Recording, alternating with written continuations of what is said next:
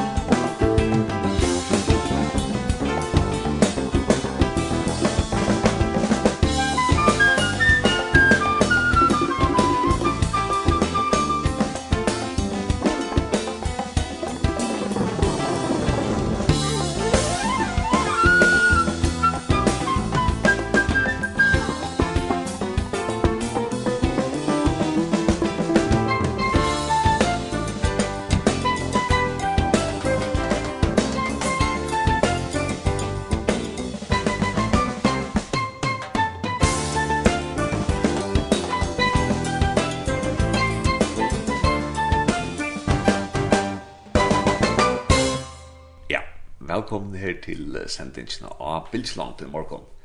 Og i morgen ferdig at ta seg vi en prest som er prester i Aarhus. Han heter Henrik Høylund. Og vi ferdig at ta seg om trojevner, vi ferdig at ta seg om hans her forbindelse til førjær, og vi ferdig at ta seg om aktuell evner i samfunnet, og så om kyrkene og i samband med det. Og så ferdig at ta seg om um, hans her lyst, så han, han maler og sånn og tar vi fra to som hans list, det betyr kunst på dansk list, mm. Mm. Ja, så tar vi fra oss om, om listen av Janne Målningar, så har vi valgt eh, seks Målningar ut som vi fra oss ut fra. Og tar litt ut i heimasynet nå, linden.fo, og tar litt øyne ut i akkurat Facebook-søye, så kan man hitte etter ta med mynden om jeg vil ta. Ja, det var så en lang innledning, Henrik. Förrest, ska vi ta oss förrest? Ja, du kan lite färsk. Meget lidt. Ja. Vi, vi tar det på dansk. Det är fint, Jag är med på det. Ja, så, så skal du måske først fortælle bare, hvor du arbejder i øjeblikket, så vi får en kontekst. Ja, jamen jeg arbejder i det, der hedder Aarhus Bykirke, som er en valgmenighed. Vi har jo det her valgmenighedssystem, som jeg faktisk aldrig har stødt på på, på Færøerne, jeg ved det ikke. Men, men i hvert fald øh, det her gamle grundviske system, øh, som er en del af det folkekirkelige system, ikke også, men som alligevel er sådan lidt et sidespor eller en lille fri, fristed, så at sige, i folkekirken. Og jeg er valgmenighedspræst i, i Aarhus Bykirke og betyder det så, at man er, når man er valgmyndighedspræst, så går man ikke med præstekjole og krave og sådan noget? Eller Nej, går man stadigvæk det? Slet ikke. Man går med, med, med det hele. Men ikke, jeg, skal, jeg går ikke med den sorte præstekjole.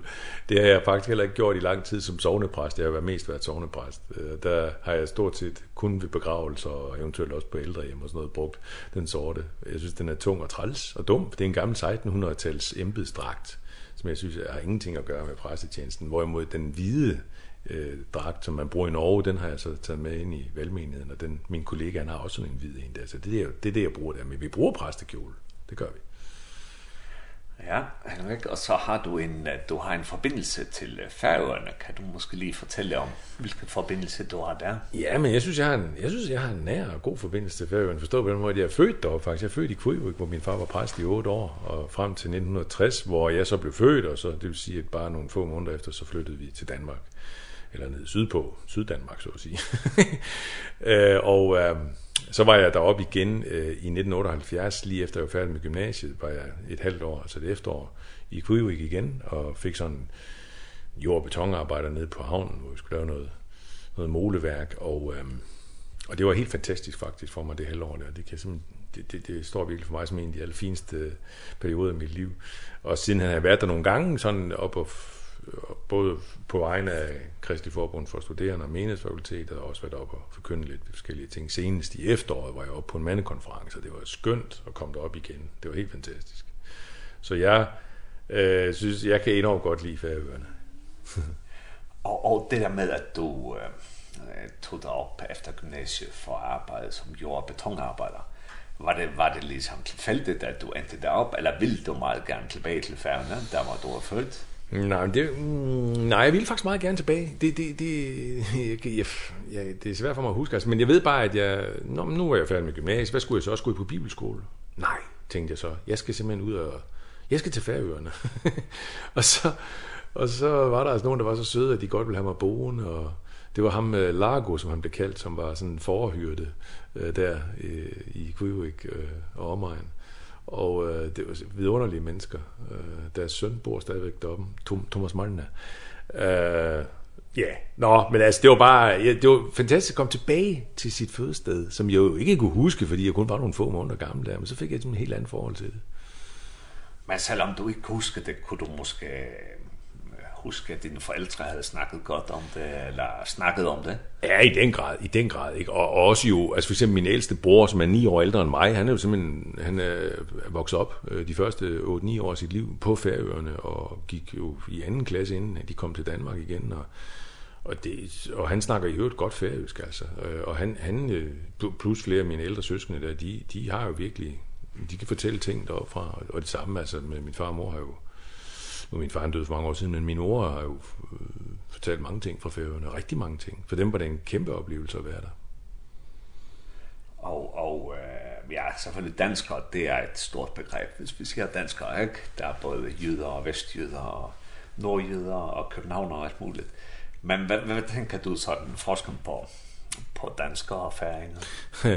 jeg, øh, jeg, jeg synes noget af det, som jeg altid oplever, når jeg er på færgen, det er, at færinger er så enormt gode til øh, at bare komme i snak med hvem som helst. Jeg synes, det, det, er, det, det er faktisk en særlig øh, gave, synes jeg.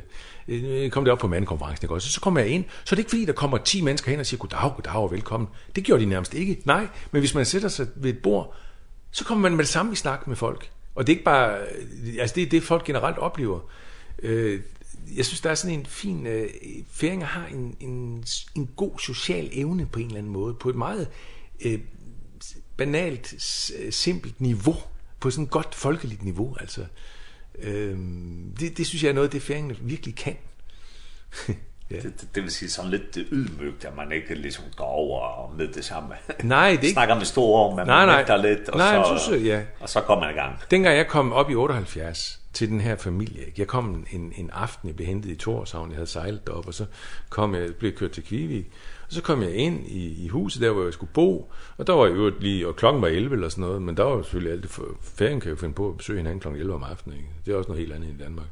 Og så, så sad de der og drak noget te, og så kiggede de bare sådan op og goddag og velkommen, og så satte jeg mig ned, og så, der var ikke sådan noget, nej, velkommen og krammer og alt muligt. Nej, nej, nej, det var bare sådan noget. Jeg faldt bare ind på sådan en, en rigtig god, naturlig måde.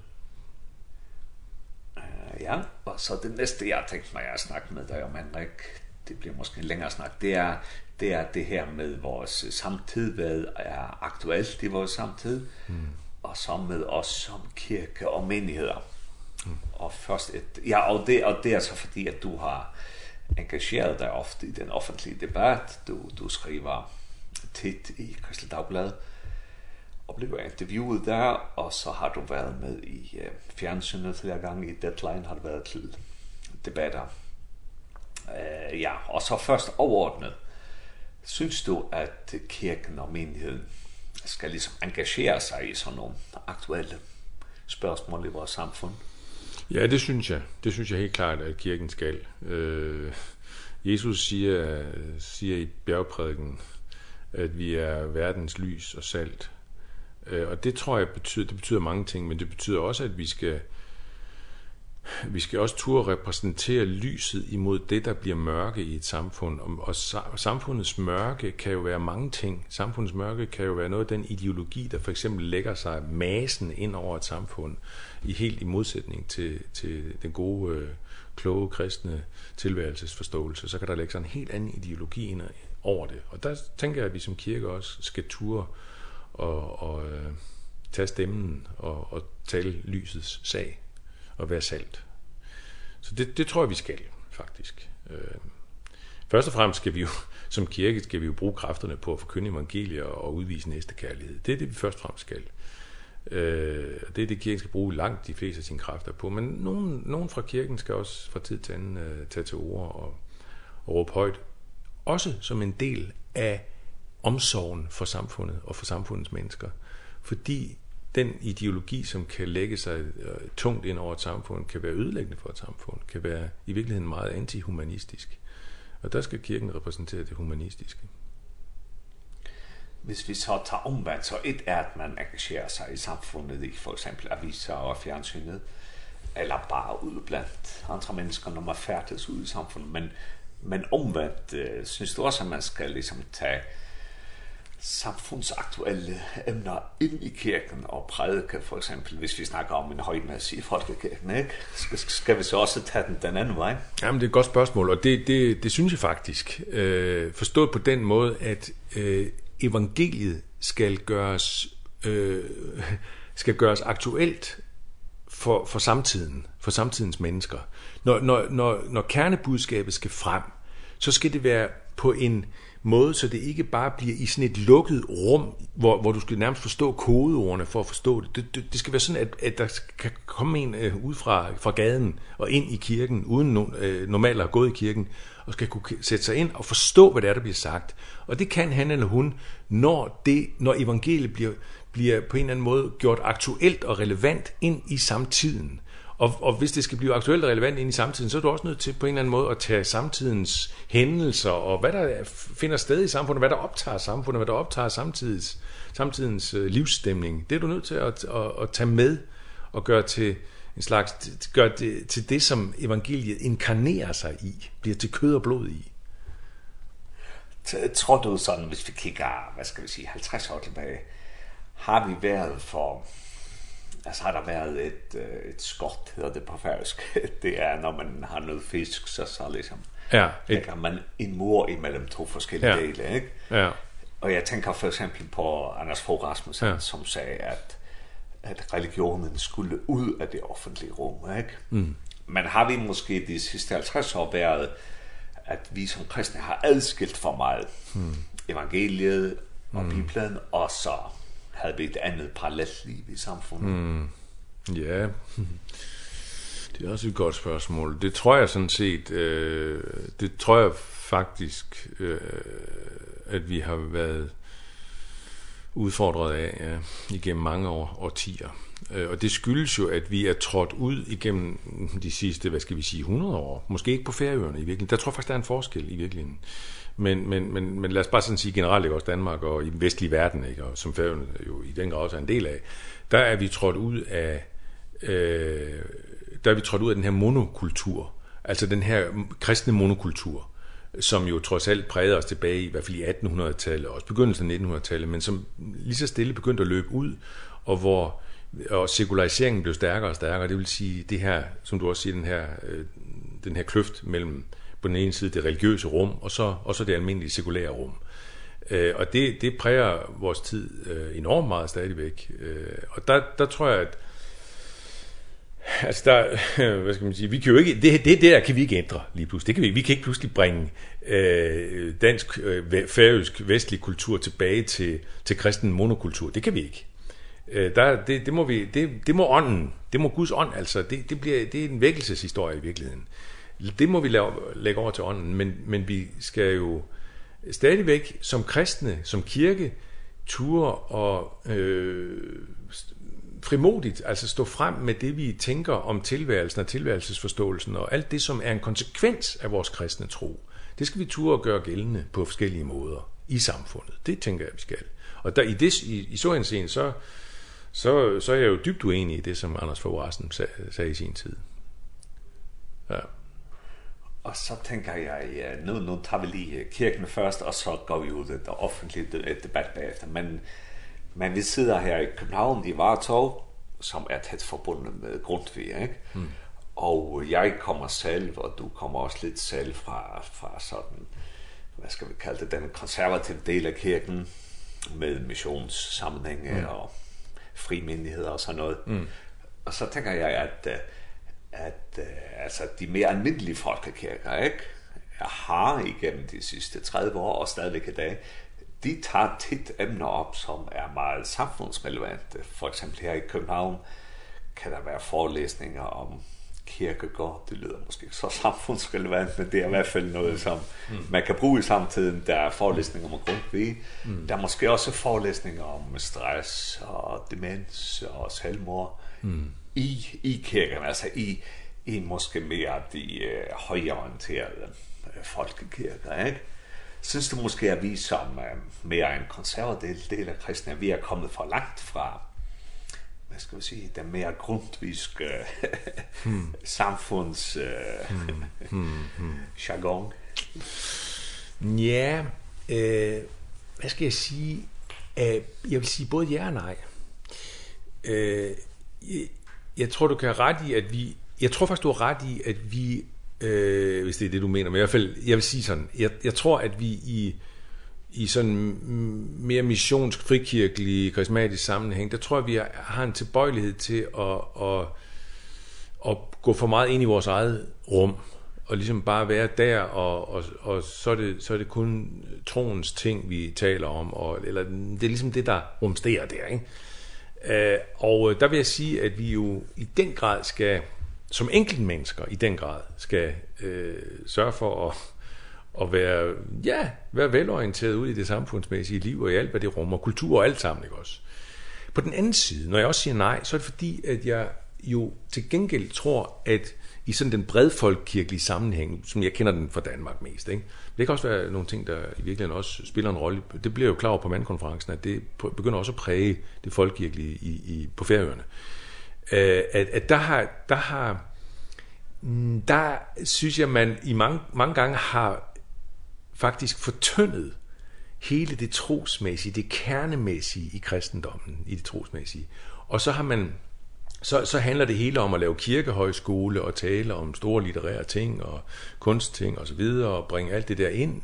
Det så at sige højskolens øh, tema er højskolens liv, bringe det ind i kirken. Der kan være meget fint i det i at for sig at bringe de ting ind, men man skal sørge for at det ikke er det der øh, bliver kommer til at fylde for mig eller hvad skal jeg sige det man skal godt nok der skal være en balance i det, og balancen skal være at det der er det der trods alt er hjerteslaget det er evangeliet, det er kristendom, det er troen.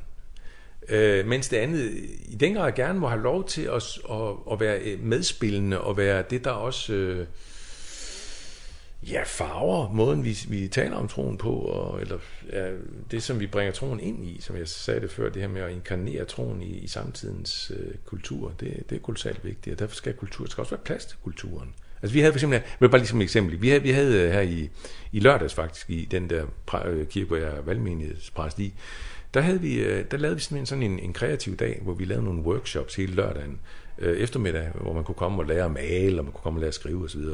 Vi havde nogle dygtige folk der. Og så kom der om aftenen, så havde vi simpelthen fået lokket øh, Maja Lisa Engelhardt og Peter Brande, som er to af Danmarks allerstørste nulevende kunstnere, internationalt kendt. Så kom de, og holdt foredrag om aftenen. Øh, og det, det gik vi efter, fordi vi tænkte, nu skal vi se, om vi kan åbne døren ud til byen, så byen kommer ind i kirken. Eh og det oplevede vi, at den, at den gjorde, og det var fantastisk gode foredrag. De er så samtidig også troende mennesker, så det var, det var nærmest ren prædiken når de holdt. Altså, det var virkelig godt. Eh men samtidig var det jo kultur på allerhøjeste niveau. Så der, der synes jeg virkelig, at der kom sådan et fint samspil ind. Og det vil jeg rigtig gerne have mere af. Meget mere af. Jeg, jeg tager lige det der med Grundtvig, en gang til, og så, så går vi over til den offentlige debat nu, men, men det er fordi, jeg læste noget om, at, at altså helt fra starten, ikke, så havde Grundtvig, han havde nogle forsamlingshuse, som var sådan lidt, at man tog nutid emner op, og man hjalp folk, og man gjorde forskellige socialt arbejde. Og, og samtidig så udvikler ligesom den missionske tankegang sig, ikke? Og så læser jeg noget om at, at missionsforeninger, de ville gerne ligesom distancere sig fra, eh fra fra grundtvig mm. og og så vil man i hvert fald ikke gøre mm. mm. sådan noget hjælpearbejde og, mm. og, og ligesom tage fat i aktuelle emner. Jeg mm. ved ikke om det er en rigtig fortolkning, jeg har læst et eller andet sted. jeg tror, der, der er noget rigtigt i det, altså at, at det grundviske ret tidligt og ret hurtigt blev præget netop også af det der samtidskulturelle, som man lagde vægt på. Jeg mener, hele højskolebevægelsen er vokset ud af den grundviske bevægelse, så sådan er det. Og tak for det, vil jeg sige. Øh, og det, det tror jeg, du har ret i, at det var ikke noget, man havde stor sans for i det missionske. Til gengæld havde man stor sans for i det missionske, for det sociale, for det diakonale meget stor sans for det. Nu er jeg sidder vi her i København, ikke? Blå Kors og... Ja, Blå Kors og meget mere end det. Altså hele, hele det sociale arbejde i København over for arbejderne, over for de fattigste grupperinger i samfundet, det kom fra det missionske. Øh, Indre mission i København øh, var det, der, der virkelig øh, bragte det sociale arbejde frem, frem for, for nogen andre. Det er så sidenhen øh, blevet en del af det kommunale, det statslige velfærdssamfunds sociale arbejde, og det er for så vidt fint nok, men altså det startede faktisk, det er det, der er historikere, der påpeger, øh, uden i og for sig at have nogle særlige forhold til det missionske ellers, men det påpeger de, at det er kommet fra det missionske. Ja. Og så går vi til det offentlige debatter. Øh, ja, og det er måske nogle gange, at, at, at du bliver taget frem i medierne, fordi du er sådan ret konservativ inden for Folkekirken, og bliver måske sat i hvad hedder det, opposition til en anden, som mm. er måske mere humanistisk og ikke kristen. Mm. Hvad, hvad for nogle debatter har du været engageret i nu de sidste år? Hmm. Ja, nu skal jeg lige tænke mig om, du. Øh, helt for nylig har jeg været... Ja, men hvad skal jeg svare? ja, altså der, helt for nylig har jeg været med i, eller har, var jeg lige inde med et indlæg i Christi Dagblad, som var lidt opsigt, som, hvor, hvor jeg protesterede stærkt imod en, der skriver fast i Christi Dagblad, skrev klummer fast, nemlig Lars Sandbæk, som tilhører sådan en, en, en helt anden teologisk retning end mig. Øh, og det handlede simpelthen om øh, Jesu opstandelse, det er et af de temaer, som har været ret stærke i de senere år, nemlig om Jesus opstod mere som bare som en, en, en åndelig, at det var, hans opstandelse var åndelig, ikke fysisk, læmelig, men åndelig. eh og der er så ham, Lars Sandberg blandt andet, som øh, gør det gældende, og det har jeg selvfølgelig protesteret kraftigt imod. Han sagde, at det, om, om Jesu lig lå, blev liggende nede i graven, det er fuldstændig lige meget, det er slet ikke det, opstandelsen kommer an på. Og det synes jeg jo er totalt vrøvligt, så det har jeg selvfølgelig protesteret imod. Og, i, og på, samme Lars Sandberg har skrevet, også indlæg for nylig, som jeg også har skrevet mod, som øh, handler om frelse og fortabelse, hvor han jo prøver at øh, godt gøre, at, øh, at øh, nytestamentet i virkeligheden taler mest for alles frelse, hvilket jeg synes er, er savligt set, tekstsavligt set, noget rent vrøvl altså. At man kan have, kan have det svært med, og kan være anfægtet over, at nogen kan gå tabt, det er en ting, men at man også vil så prøve at begrunde, eller begrunde sin, sit ønske om, at alle må blive frelst, begrunde det med, med, med, med bibelsk tankegang. Det synes jeg er totalt fjollet, faktisk. Det, det er sådan en anden debattema. Det er jo nogle meget teologiske temaer, ikke også, som, som med jævne mellemrum flyver op, øh, og, og så lander de lidt igen. Og det handler jo om, at der i folkekirkelig sammenhæng er plads til at sige næsten hvad som helst og kalde det for kristendom. Og det synes jeg er dybt begrædeligt. Det, det må jeg bare sige. Det er det, jeg synes i overvis. så det er, jo, det er jo kirkedebat, vi snakker om her, ikke også? Og det er jo selvfølgelig... Den er der jo selvfølgelig meget plads til, for eksempel i Kristi Dagblad. Det er jo ikke kirkedebatten, der normalt fylder enormt meget i de almindelige medier, tv, radio osv. Men fra en tid til anden kan det faktisk godt ske. Tilbage i 1900... Nej, slået 2000 og 3-4 stykker. Der var der ham der Torgel Gråsbøl, en præst derovre i Københavnstrup sted, som, som øh, talte om, som blev meget, altså som vagte sensation eller stort røre, da han begyndte at tale om, at han ikke troede på, at, at Gud, han troede ikke på Gud som skaberen af alting. Han troede mere, at Gud var et begreb for det, der findes imellem os mennesker, kærlighed osv. Og det var det vagte så enormt stort røre, at det simpelthen røg op i både tv og radio og alle mulige steder i meget lang tid. Og, og, så tænker jeg på måske til, til jul og påske og sådan noget. Er, er det måske nogle uh, muligheder for at bringe sådan en kirkelig debat? Altså skal man måske også opsøge selv at, at skrive en kronik eller engagere sig et eller andet offentligt omkring for eksempel højtider? Ja, men det, det kan det godt være, men det kan egentlig, jeg synes faktisk, det kan være når, når som helst på året. Altså det, ofte, jeg må jo sige, at min deltagelse i debatten har jo ofte været det, man kalder for reaktiv, altså fordi der er kommet måske, ja, det kunne være i Kristavblag, så der kommer der et eller andet øh, indlæg øh, af en teolog, som jeg er dybt uenig med, og så skriver jeg et modindlæg, og så, så ruller det derfra. Det kan sådan set være når som helst på året, men hvis man selv, du, du har en pointe, hvis man selv vil sætte gang i en debat, så kan, så kan der være så kan der nok være en særlig anledning til det omkring højtiderne, fordi det trods alt folkeligt set har sådan en vis øh, et vist gennemslag ikke også, en vis virkning der. Ehm men altså jeg vil sige, at jeg har jo aldrig nogensinde jeg, jeg har ofte været i tv og radio, sådan noget. jeg har aldrig nogensinde ringet til nogen i tv og radio og spurgt, må jeg ikke have lov til at komme og sige noget aldrig? Altså det, det er, mikrofonen er blevet stukket i hånden af mig, de har ringet mig op og spurgt, kunne du stille op til, til noget om det der? Ikke? Og, og det er jo meget, jeg, jeg er jo i mange, mange gange kommet til at repræsentere, øh, hvad skal vi sige, den, den, den ene side, altså, ja, den konservativ teologi, som du også lige nævnte før, ikke også? Altså, øh, og... Øh, Ja, det vil sige, at jeg også mange gange kom til at repræsentere de her mere og mere kontroversielle synspunkter. Øh, og det, der kan jeg godt, der har jeg i de senere år haft brug for indimellem at skrive nogle indlæg, for der kan man jo selv trods alt øh, spille ind med det. Skrive nogle indlæg, det har både været til Christ Dagblad, og Berlingske Tiden og Weekendavisen, Jyllandsposten.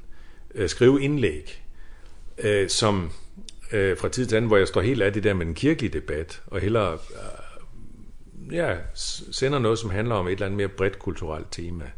Øh, fordi jeg også synes, at det... Øh, også, også for ikke bare at være reaktiv, men også at være proaktiv, altså bringe noget på banen, som jeg synes kunne være interessant. Øh, Det kan være for eksempel, at jeg har set en eller anden film, øh, som jeg synes øh, bringer noget spændende på banen, som rammer et eller andet i tidsånden, og hvor jeg så måske prøver at bruge det til at sige noget, der i virkeligheden har en undertone af sådan en, i, i virkeligheden en kristen undertone, men ikke nødvendigvis er et meget, meget kristent indlæg.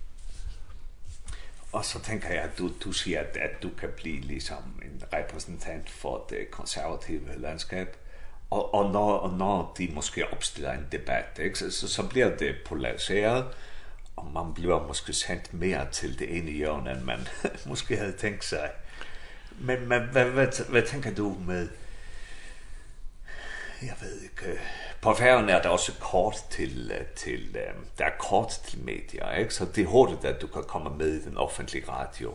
Ja. Et eller andet program. Men, men hvis du liksom skal give et godt råd til nogen, der skal deltage i offentlig debat, hvad skal man passe på med, hvordan skal man liksom approach it? emne? Du, du, er meget, du er meget ærlig og meget direkte selv, ikke? Men tænker du, at, ja, jeg ved ikke, skal man lige give sig tid at ånde nogle gange, eller hvad, hvad, hvad, hvad, hvad tænker du?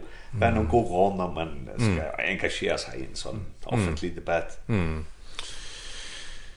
Ja, øh, godt råd. Altså hvis man hvis man får altså jeg synes der er lidt forskel på, du ved, hvis man hvis hvis man skriver et indlæg, så har man jo virkelig tid til at tænke over det. Øh, og virkelig tid til at formulere, spidsformulere det og blive skarp og sådan noget der. Og kan også sende det til nogen, og det har jeg jævnligt gjort, sende det til nogen, man ved er god til at læse og, og kan, kan kritisere det og kan gøre, gøre det endnu bedre. Det, det, det er i hvert fald en mulighed, det har jeg gjort en gang imellem.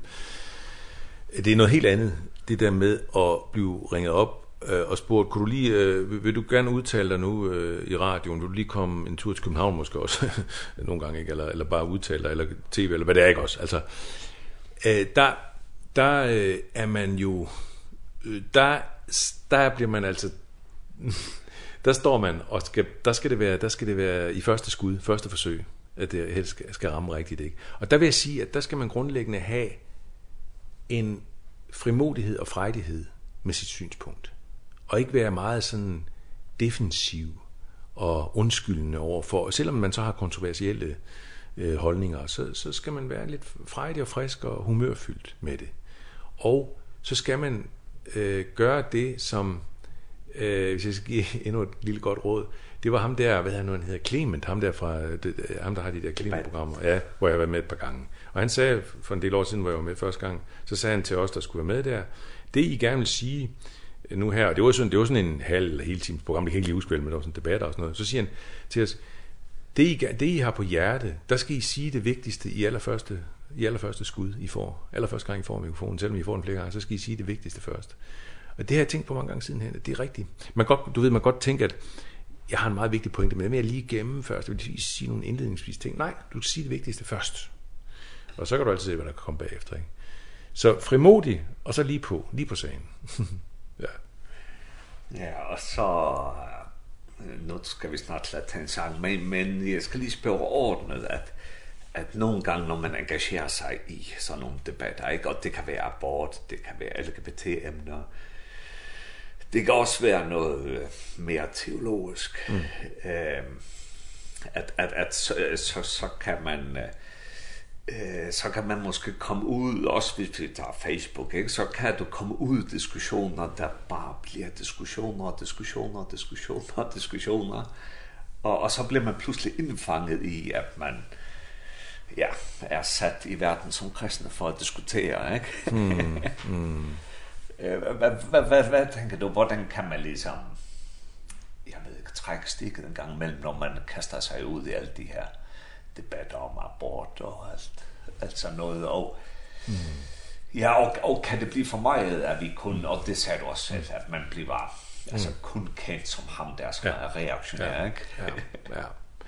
Ja, men det, det, det er lidt vigtigt, at du spørger om det der, fordi jeg tror faktisk nogle gange, man skal trække stikket. Det er jeg helt sikker på, det har jeg selv gjort. Altså, i, i perioder, hvor, hvor måske et eller andet uh, tema er røget op og, og, og virkelig har fyldt... Øh, i medierne, øh, og hvor jeg bliver ringet op igen, og så igen, og så igen. Så har jeg nogle gange måtte lige sige, nej, nu, nu, har jeg, nu, nu har jeg sagt det, jeg skal sige, nu har jeg ikke mere at sige, altså stop, ikke? Det, det, man skal kunne trække stikket, og det skal man gøre med stor, stor formodighed Jeg vil, også sige, jeg vil også gerne skynde mig at sige, at det er ikke alle, der skal kunne stille op til debat. Det er det virkelig ikke. Det er ikke alles kald. Jeg ved ikke, om det er mit kald, vel, men det er nu blevet på den måde. Ikke? Og, men det er ikke alle, der skal. Det er ikke alle, der skal kunne det. Man skal have stor frimodighed til at tænke, nej, det er ikke det, jeg kan. Altså hvis hvis man er præst eller kirkeleder, eller bare noget andet, eller bare en, der... Øh, ja, så, så, så skal man ikke føle, at så, så skal jeg også kunne stille op til det. Nej, det, det skal man ikke nødvendigvis. Så, så man skal have stor frimodighed og sige, nej tak, jeg skal noget andet. Eh og så skal man også have sans for, øh, at... Øh, at øh, nu nu nu sagde jeg før det her med at man skal være frimodig med kontroversielle holdninger og sådan, men men samtidig skal man også have blik for at at at de også gerne må komme i en vis dosis. At uh, der, der må også gerne være en grænse for, hvor meget man hælder ud af det der altid. Og så i øvrigt så vil jeg også bare sige, at det, der er den risiko, og det har der været for mig i den grad, at, at når man træder frem i offentligheden med holdninger, som for eksempel kan være kontroversielle, ikke? at så risikerer man, at folk tænker, ham der, som skal vi aldrig nogensinde, den, den pres vil vi ikke komme til, aldrig i livet. Altså.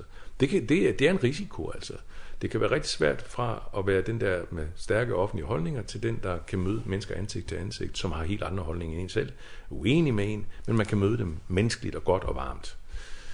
Det, den, den balance kan være ret svær. Ja, så skal vi have den første sang, Henrik. Skal du øh, præsentere den første sang, og hvorfor du har valgt lige den sang? Ja, og sagen er, at det ikke er en sang, det er musik. Og det er Carsten Dahl, som er jazzpianist, en af Europas bedste jazzpianister. Han, han bor i København, eller i et eller andet sted på Sjælland, lige meget om det. Han øh, har lavet for nogle år siden en CD, der hed Grace, altså noget. Og det er et udtryk for, at han selv er et menneske, der er sådan... Øh, øh, hvad skal man sige, tænker i retning af altså også af tro og sådan noget der. Øh, og han, altså, han sagde sådan her i et interview i Christoffel for nogle år siden, øh, der sagde han sådan her, Bach, altså Johann Sebastian Bach, ikke? han skrev sin musik kun til ære for Gud. Så følgende er uden sammenligning overhovedet. Hvis jeg er et stille og roligt cykelbud, der arbejder for Gud, så er Bach selve internetforbindelsen. Men selv et cykelbud kan gøre en lille forskel. Jeg synes, det var så smukt sagt. Det var så fint sagt. Det er en sans for, faktisk. Øh, og den der, jeg synes, hans øh, CD Grace er noget af det smukkeste, man overhovedet kan forestille sig. Det, det er knap nok jazz, det er sådan noget nærmest salmeagtigt. Øh, lidt jazz, men lidt salmeagtigt også. Det er bare musik altså. Musik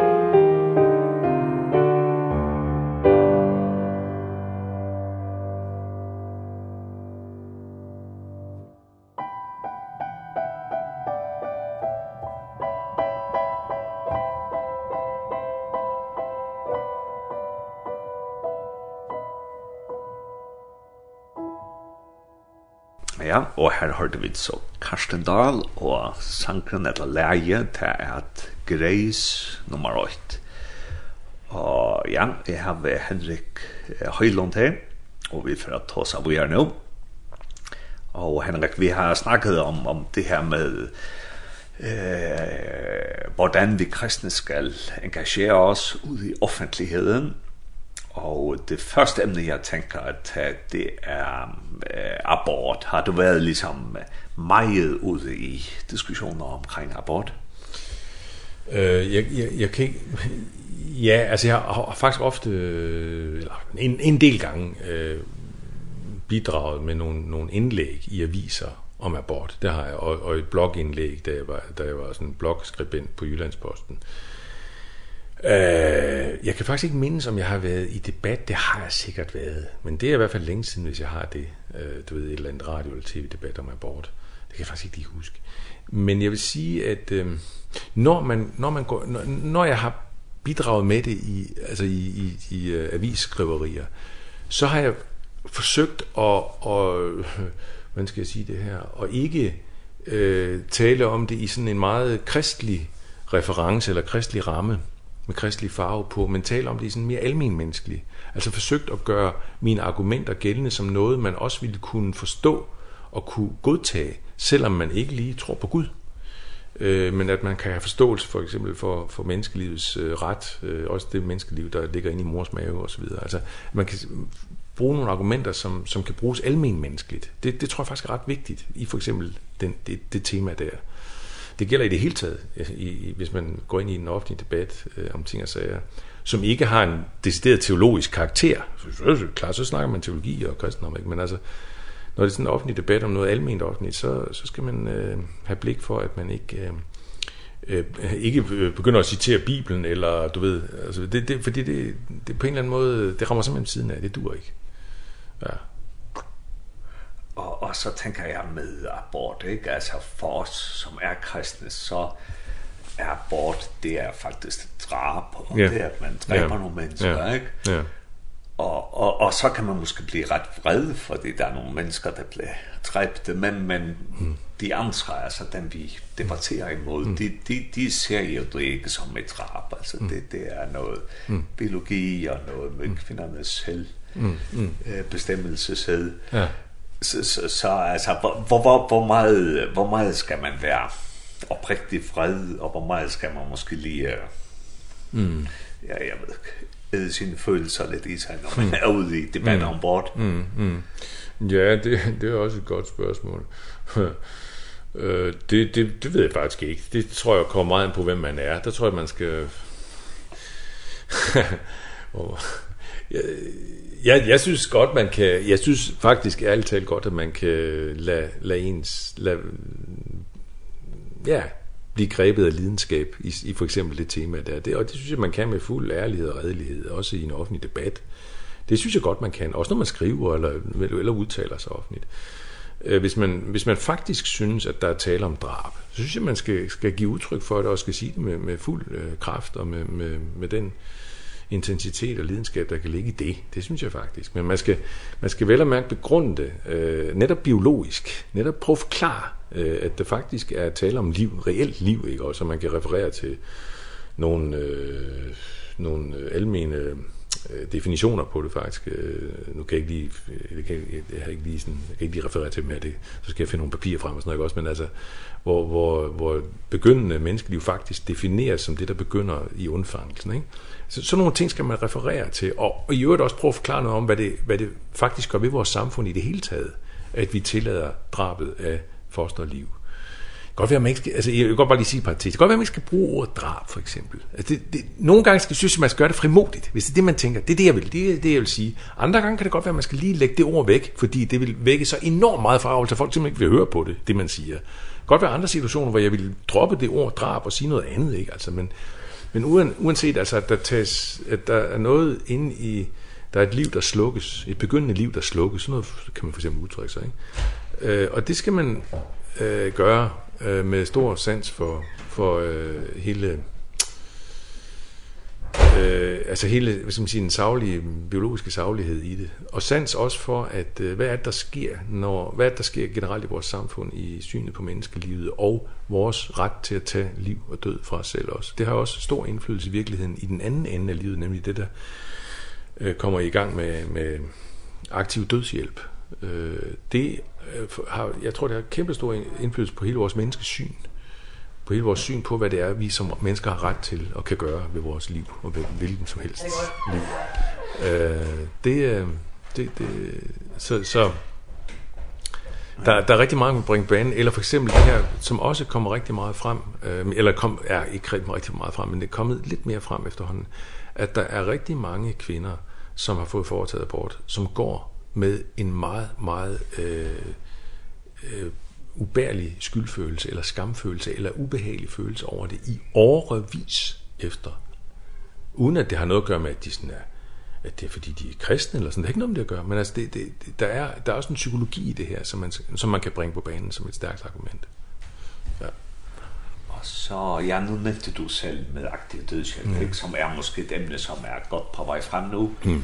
Så i Schweiz har man haft i lang tid, at man kunne lade være assisteret selvmord. Mm. Og jeg tror nok, i Frankrig har man også nu... Belgien og Holland er meget, Belgien, meget udpræget, faktisk. Ja, ja. Og, og, och debatten vil så også komme til til Danmark og Færøerne og Norden og England. Ja. Ja. Hvad vad tänker du på der? Hvordan skal vi engagere os der? Jamen, ja, vi skal, vi skal jo, jeg, jeg synes jo, vi skal engagere os meget stærkt i det faktisk, øh, fordi at der er tale om noget, som kommer til at få en enorm indflydelse på vores samfund generelt. Generelt kommer til at få en indflydelse på vores, på vores, altså det der sker ikke, det er jo, at øh, at mennesket bliver øh, en en størrelse som du kan som du kan øh, byde velkommen til eller du kan bare fjerne det igen. Altså det det det det, det får en enorm indflydelse på vores menneskesyn i en meget bred forstand øh, i samfundet. Det kommer også til at betyde at de mennesker som er svage, gamle, syge, psykisk syge og så videre, de kommer til at føle sig mere og mere overflødige og mere og mere øh, føle at de, øh, de de er egentlig mest bare til besvær, og skal måske faktisk give udtryk for, at de gerne, må I gerne tage livet af mig. Altså hele det her, det her manglende, vi, vi kommer til at miste mere og mere sansen for, at de allersvageste skal vi bære højt, skal vi løfte, og skal vi holde i live. Øh, for simpelthen bare at fastholde, at, at det er menneskelivet simpelthen værd. Selv når det er aller ringeste, aller svageste, mindst betydningsfuldt, så er det kolossalt vigtigt, at det bliver holdt øh, oppe, og det, at, vi, at vi viser det omsorg og så videre. Hvis vi går i den modsatte retning, og det gør vi med aktiv dødshjælp, vi går ubetinget i den modsatte retning. Det kommer til at ødelægge vores, hele vores sociale indstilling, hele vores øh, menneske, menneskelighed. Det er, det, det er en, en, det er, det er virkelig en, øh, det er en ødelæggelse af humanismen, i bedste forstand humanismen. Ja. Yes, Henrik, vi skal have den næste sang. Ja. Skal det være for en? Jamen, det er igen ikke en decideret sang, men ikke, og jeg, jeg må beklage, jeg har simpelthen, jeg vil ikke beklage, jeg hører rigtig meget jazz, jeg hører meget klassisk musik, men dengang har jeg simpelthen valgt tre jazz ting, alle tre ting, og det, den næste, det er også noget jazz, det er en, jeg tror han er svensker, Tord Gustafsson, som, som har en trio, som spiller vidunderlig god musik, og indimellem faktisk også smider nogle øh, kristne øh, sange ind, som de så spiller, altså, Og det her det er så øh, den den som vi kender fra teksten Erik Veit i Himmerik ei borg, en altså norsk sang som er en skøn skøn himmeris sang og som jeg synes bare rummer noget som altså den horisont, den den kæmpe store evighedshorisont i den kristne tro og i hele den kristne tilværelsesforståelse som er meget befriende og smuk. Troen på at øh, det hele stopper ikke med jorden, men i virkeligheden så er det kun begyndelsen på noget det helt store eventyr. Eg veit i himmerik ei borg.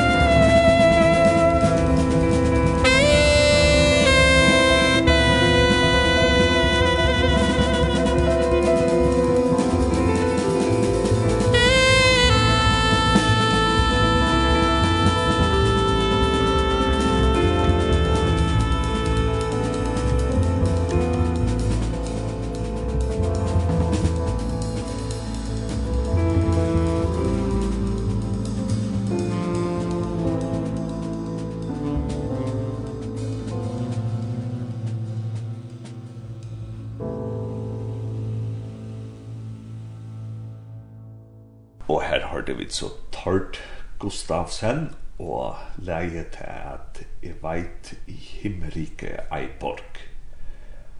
Og ja, og jeg har Henrik Høylund her, og han er præst i en valgmenighed over i Aarhus, og han uh, gør mange ting. Ja, og det som jeg så har gjort er at jeg har valgt uh, seks af dine billeder. Ja Og øh, dem har jeg lagt ud på hjemmesiden linden.fo og Facebook-siden, så kan I følge med der. Og så vil jeg tage udgangspunkt i de her billeder. Og øh, ja, nu har jeg så kigget igennem dine billeder, Henrik, og et motiv, som går igen flere gange, det er et, som jeg har taget billeder af her, så det er, det er tre mænd, Og den første på billedet, det vil sige den til venstre, den er en gul uh, anorak, eller en gul uh, jakke.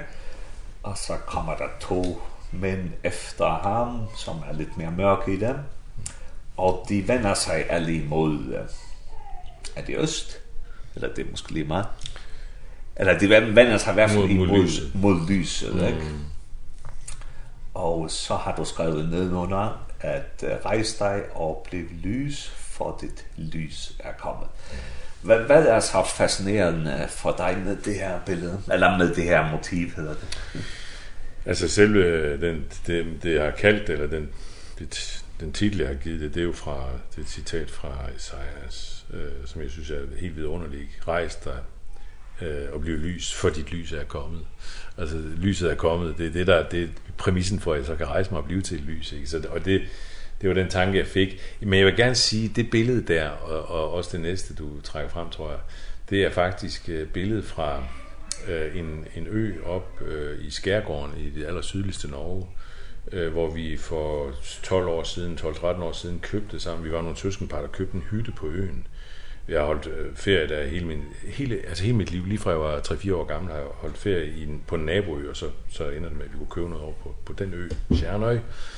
Og så sker der jo det øh, et halvanden eller et hvad var det et halvt godt halvt år efter vi har købt det tror jeg det var eller et år efter at øh, der sker en forfærdelig ulykke øh, hvor vores næstældste søn er sammen med øh, fem øh, unge mænd de er en 22-23 år gammel. Alle de seks unge mænd, der er afsted deroppe i hytten og har en fantastisk uge der. Indtil de en dag så er ude at sejle igen, og så ender det med, meget kort fortalt, at fire af dem drukner. Øh, båden går under, og, og to af dem, og det vil sige vores søn og så en anden, som redder hans liv, de overlever, og fire af dem drukner. En, en afsindig historie, ikke også? Færdig ulykke. Øh, det her billede, som jeg har malet, det er før det. Det er faktisk øh, kun, øh, jeg tror det er det samme år, som vi købte, så var vi om sommeren, hvor der var et vildt stormvejr om sommeren, fuldstændig vild orkan. Men på en eller anden måde, jeg malede dem, de her, jeg begyndte først at male efter. Jeg begyndte først at male store akrylbilleder, jeg altid maler akvarel og sådan noget, tegne og sådan noget. Men de her store akrylbilleder malede jeg først der fra år 2010, efteråret, og det var om sommeren, det skete, den der ulykke der. Og der malede jeg så de her billeder, som jeg egentlig havde taget fotoer af før ulykken.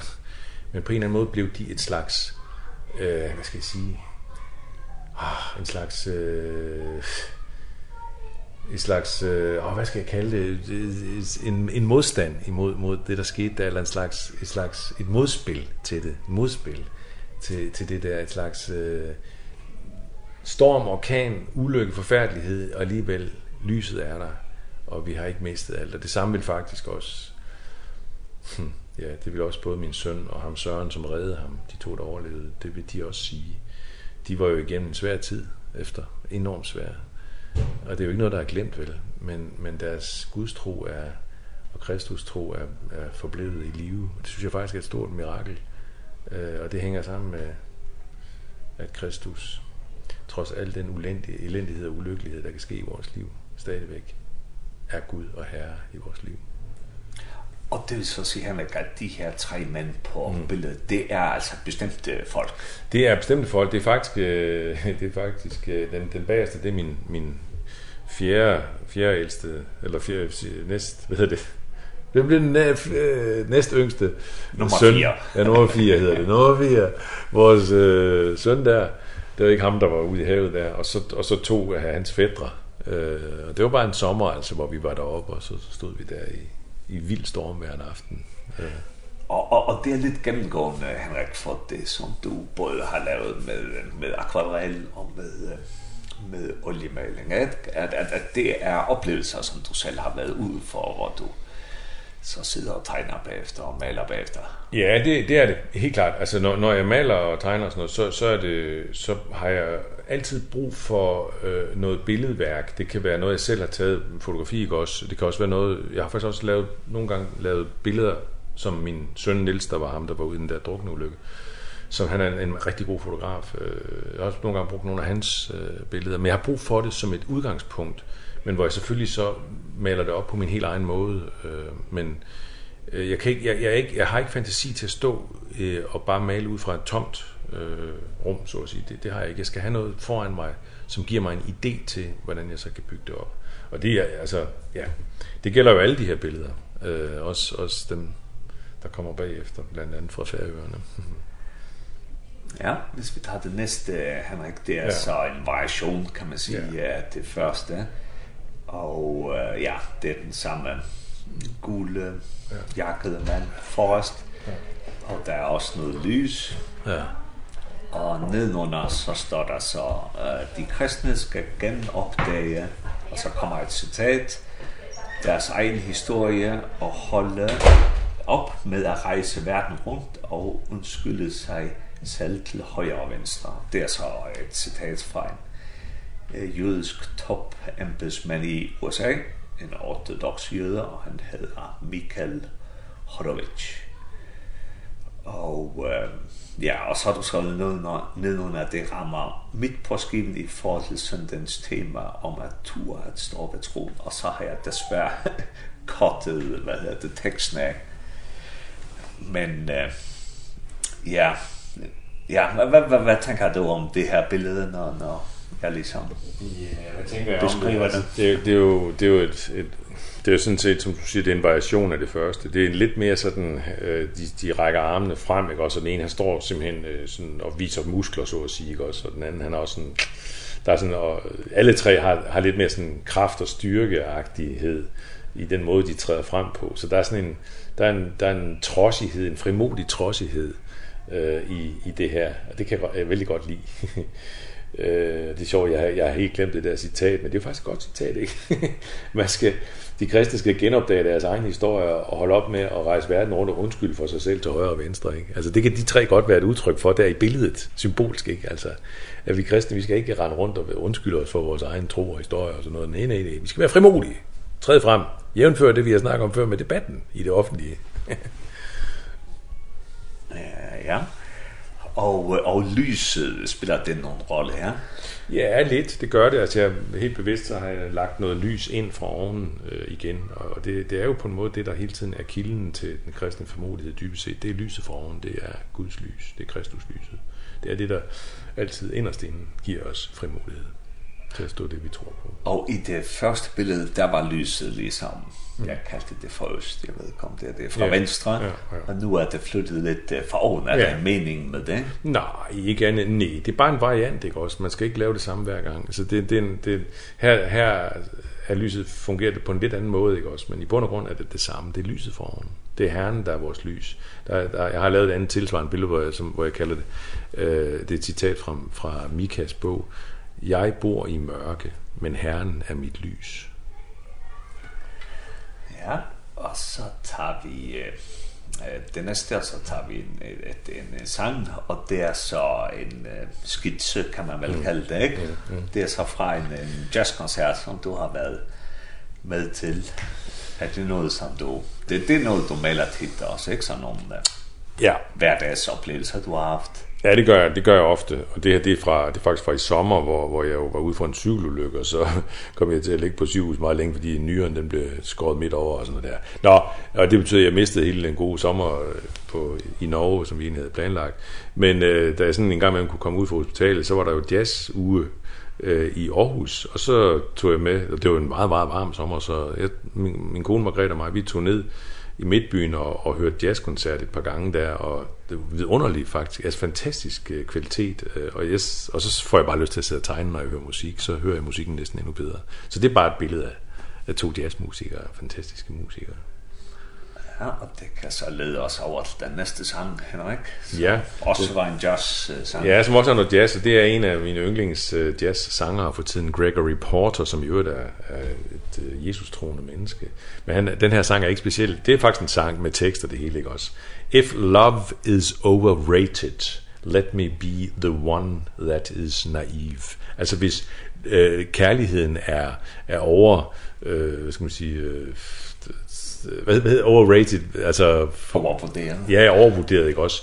Jamen, så vil jeg gerne være en af de naive, der tror på kærligheden. If love is overrated, let me be the one that is deceived. Så vil jeg gerne være den, der ligesom bare har overgivet mig til kærligheden alligevel og er naiv. Det er en meget, meget... det er en fantastisk smuk sang. Altså, det er bare det. Og det er en, en, en, en hyldest af kærligheden. ja.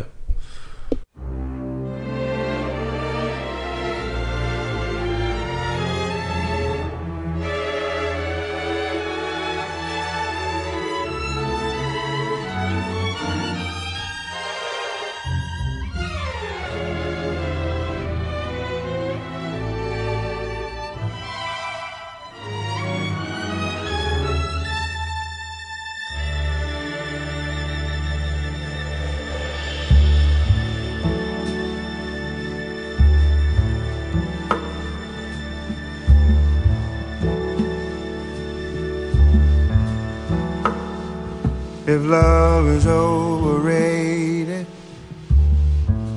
Let me be the one that is naive. If love is overrated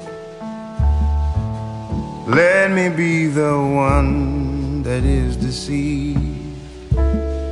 Let me find that your hands that are touching me is not the hand that's supposed to be your lips an illusion.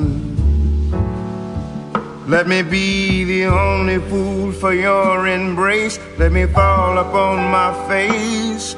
I like this strange illusion. If love is overrated Why is it the only thing I serve? love is overrated. Why is the one I'm in the one that I deserve? I can tell you, oh, it feels so real. Every touch that I steal Your arms an illusion. Let me be the only fool for your embrace.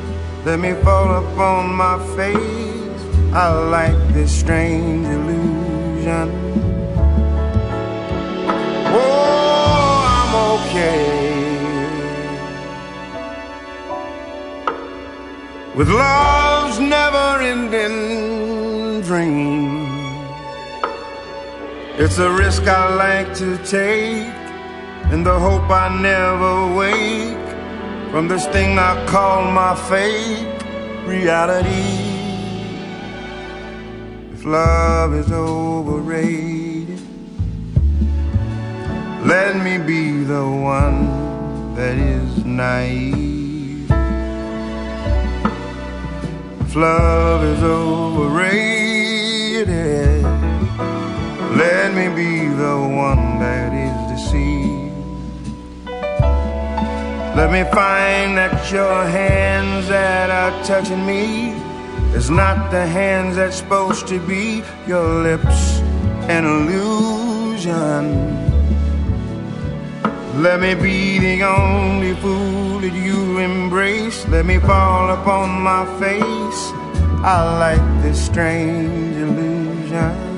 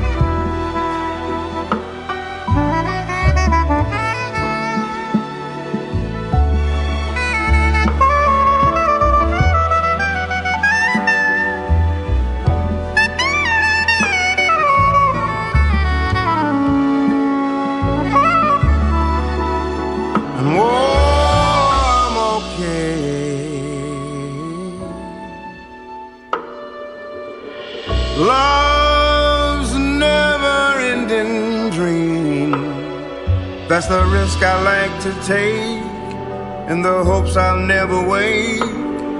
From this thing I call my fate reality.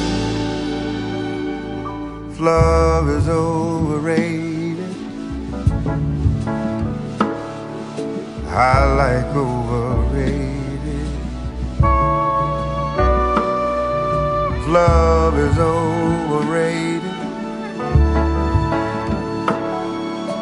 I love overrated. If love is overrated I am obsessed with overrated. If love is overrated I'm in love.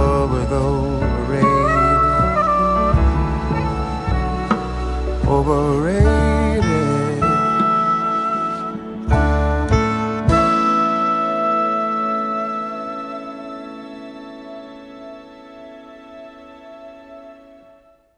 eh, Ja, og her hørte vi så eh, Georgery Porter og sangen at If Love Is Overrated. Og jeg har nå møtt uh, sørste prat her vi Henrik Høyland, Han er prester og han er valgmøynighet i Aarhus. Og vi sitter nå og tar om at han øsne eh, maler nok snakk, og vi tar nærkere mynter som vi tidser etter, og tar litt så av heimansøyene linden.fo og av Facebook-søyene, så kunne det øsne suttja hver mynter vi tar om. Og vi er nå kommet til til eh, fjore myntene, så vi er kommet til det fjerde bildet, Henrik. Og det er så et billede fra færgerne. Skal du måske forsøge selv at beskrive det? Tja, det er jo fra, jeg tror det er fra, hvad, hvad nu det hedder, Næs? Næs, ja. ja Næs, ja. Og det er jo fordi, jeg var, jeg var hjemme efter det her mandekonference, så, så kom jeg med hjem til Ove Brim, præsten der. Og, øh, og så, ja, så tog jeg nogle, selvfølgelig en del fotografier der også, ligesom alle mulige andre steder, fordi Færøerne er et ubeskriveligt smukt land. Hvis ikke Færøerne skulle vide, så vil jeg bare lige fortælle dem det. Det er helt vildt smukt. Men de her grønne fjelle, ikke også? Og ingen træer, altså ingen skove, men bare grønne fjelle. Det er så fantastisk. Og så tog jeg bare lige billedet der, og det er så billedet af den gamle kirke, øh, og, øh, og så ned over havet, eller, og så med lidt øværk i baggrunden, og så det her himmel i, i meget stærke farver, som jeg synes bare var så smukt, og så fik jeg bare lyst til at, at tegne det med sådan, øh, sådan noget øh, pastelfarver. Ikke akryl eller akvarel, som jeg normalt bruger, men pastelfarver, som også kan noget. Ja, og den næste, ikke også? Det er så... Ja, det kan lige have mig, ja. jeg tager det der. At, at jeg godt tolke ind, hvis jeg ser på ja. det, at ja. der er lys foran, ja. Ja. som er Guds lys, som ja. du har snakket om, ja. og så en kirke, som ja. måske repræsenterer, ja. at vi spreder us lys ud i samfundet og sådan noget. Er, er det noget, som du har tænkt ind, eller er det noget, som jeg tolker? Det er din tolkning, og det er rigtig godt, fordi det er præcis sådan, det er med billeder. Ikke? At i virkeligheden, så bliver billederne først til, når tilskueren får dem ind i sit ansigt og får tanker om det. Så er billedet blevet til. Altså, et billede er jo en, en sådan meget, meget en-til-en færdig, uh, uh, fuldstændig indiskutabel forståelse, men det er, det, det, det, det er ikke bare kunstnerens idé, men det er lige så meget det, tilskueren ser. Alltså det är mer ett öppet medie. Ja, det är den grad. Så tar vi det näst sista och det så Kvivik. Det är lige precis Kvivik. Kan du se det? Det är den rigtige. Og, det er, og jeg synes bare, Kvivik, det, det er jo bare min fødeby. Ikke? Og, og det igen, jeg tog nogle fotografier der, så, så, så tænkte jeg, nøj, nu får jeg chancen for at, at tegne, male Kvivik. Så det gjorde jeg, og det, øh, jamen, det er bare... Det er bare mit øh, hjerteforhold til, til, til Færøerne, som kommer frem her, det vil jeg sige. Og er det noget bestemt sted i Kvivøk? Ja. Er det lidt bare det er husernes farver? Det, er, det er over fra, puh, hvad skal jeg sige, det, det er et bestemt sted. Det er, det er derovre fra ham, der jeg nævnte Thomas Malne som er søn af ham, Lago Mariana som jeg boede hos i 1978, da jeg var deroppe efter gymnasietiden. Og øh, han bor så derovre, og hvad skal jeg sige, øh, i den ene, altså du ved, det er jo sådan en, en, en lille u fjordagtig ind der, ikke også? Eller ikke fjorden, hvad hedder det? Nå, men det, altså, det er over i den ene side af det, øh, og så ned over. Øh, og så har vi, skal vi se, hvad har vi der? Man, man, det er sådan lige ned mod havnen faktisk, den lille havn, og så lidt med husene der, og så de her skønne, bare de her skønne grønne øh, bakker, marker op af, af fjellet i baggrunden. Ja, og så tager vi det sidste billede, Henrik, så det er en, en vej, det er en asfaltvej, tror jeg nok. Mm. Og der er nogle høje huse mm. på hver sin side. Ja. Og der er en blå himmel, og så er der en uh, regnbue. Mm. En stor, flot regnbue. Og det er vel et bestemt motiv, ikke? Det er det, det er et bestemt motiv igen. Det er faktisk ned fra bykirken, eller fra den gade, hvor bykirken ligger. Bykirken ligger sådan lige ind til, til højre her øh, i en af de her højhus der, som, altså Aarhus Bykirke, det, vi lejer os ind i Indre Missionshus Ebenezer, som det hedder, og som ligger nede i Aarhus Midtby, Brammersgade, så det er Brammersgade, øh, hvor jeg en dag står, og så er der bare den mest fantastiske regnbue lige der på himlen, som ligesom rejser sig op bagved det hele, og som jeg synes giver sådan en skøn, Ja, men igen, hvis man skal... Jeg har ikke... Ved du hvad, jeg har faktisk ikke... Jeg skal være helt ærlig. Jeg har ikke tolket det sådan meget fromt og kristeligt. Men hvis man skulle gøre det, ikke? Så man sige, om den der regnbue, det er jo, det er jo det store skønne tegn fra Gud efter syndfloden, ikke? Tegne på, at, på, på Guds øh, omsorg og, og bevarelse af menneskeheden og jorden og alt det her, ikke? Og, og den, den rejste sig så lige op over bykirken, så at sige, eller stedet der, hvor bykirken ligger. Og jeg jeg kan faktisk enormt godt lide øh, jeg elsker jo land og jeg vil lige sige jeg elsker øh, Færøerne og fjeld og Norge og alt det og natur. Jeg er fuldstændig jeg er helt grebet af det, ikke? Men jeg synes faktisk også det er enormt hyggeligt at være nede midt i Aarhus by. Og så jeg synes Aarhus midtby er sådan hyggelig øh, lille, kæmpestor, for, forvokset landsby. Og man kan godt fortolke videre, Henrik, at ja, for det første, at kirken til højre, og der er en regnbue fra Gud, men også, at den måske oplyser de andre bygninger, oplyser byen, oplyser samfundet. Ja, yeah.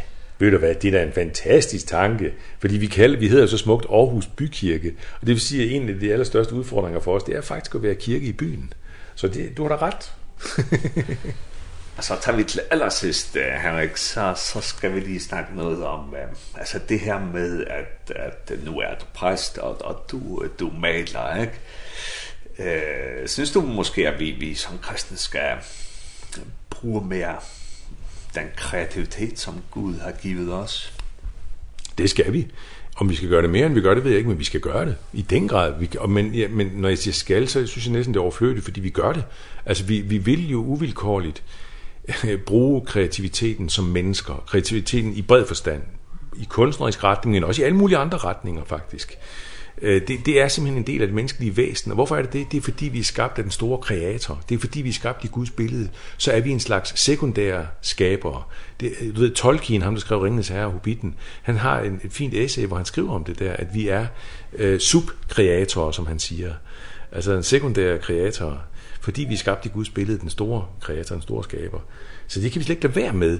Men jeg tænker også, at når vi snakker om kunst, og det har vi gjort nu ikke med billeder og sådan noget, at hvis du tager hele, altså hvis du tager kunsthistorien, så har hele den vestlige kunsthistorie, den har jo sine rødder i det kirkelige. Fuldstændig. Altså fra ende til anden, ikke? Både sådan meget konkret, fordi der er lavet et hav af kirkelige kristne, altså af, af billeder med, med kristne motiver fra ende til anden, ikke også? Men også fordi det er simpelthen igen, altså det er vokset ud af den her ja, hele den her øh, stærke kristne tænkning og også hele den her kreativitet, men som jo i øvrigt også kan findes i alle mulige andre kulturer og alle mulige andre religiøse steder. Og det er da ikke mærkeligt, det vil faktisk være mærkeligt andet, hvis ikke også buddhister, hinduer og muslimer osv. havde lyst til at øh, være kreative. Hvis de ikke havde lyst til det, så, så, så synes jeg faktisk, det ville være tvivlsanfægtende. Men det, at, de, alle, at alle mennesker, også ateister, er kreative – Ja, det er, da, det er da, fordi vi alle sammen er skabt af Gud, skabt i hans billede, uanset om vi tror på ham eller ej, så kan vi ikke lade være med at udfolde den der øh, virkelighed, der findes i os, at vi er skabt i Guds billede. Meget spændende, Henrik, og vi kunne fortsætte flere timer, men ja. det kan vi så ikke. jeg vil bare takke for dig for, at jeg fik lov til at interviewe dig her i dag. Ej, tak for det. Og så skal jeg sige, at det har så enten og sendt en og bildslangt, Og hentan er sendingen, hun var enda sendt i kvöld klokka 19.30 og i natt klokka 4. Og så fyrir nøysene jeg finnast som podcast, og det kan det bare fyrir Spotify eller Apple Podcast, og det kan bare løyte etter og bildt langt, så finna dit atler til samar og vi har haft. Så innstikken bare en gåan dag og jeg. Gå an dag.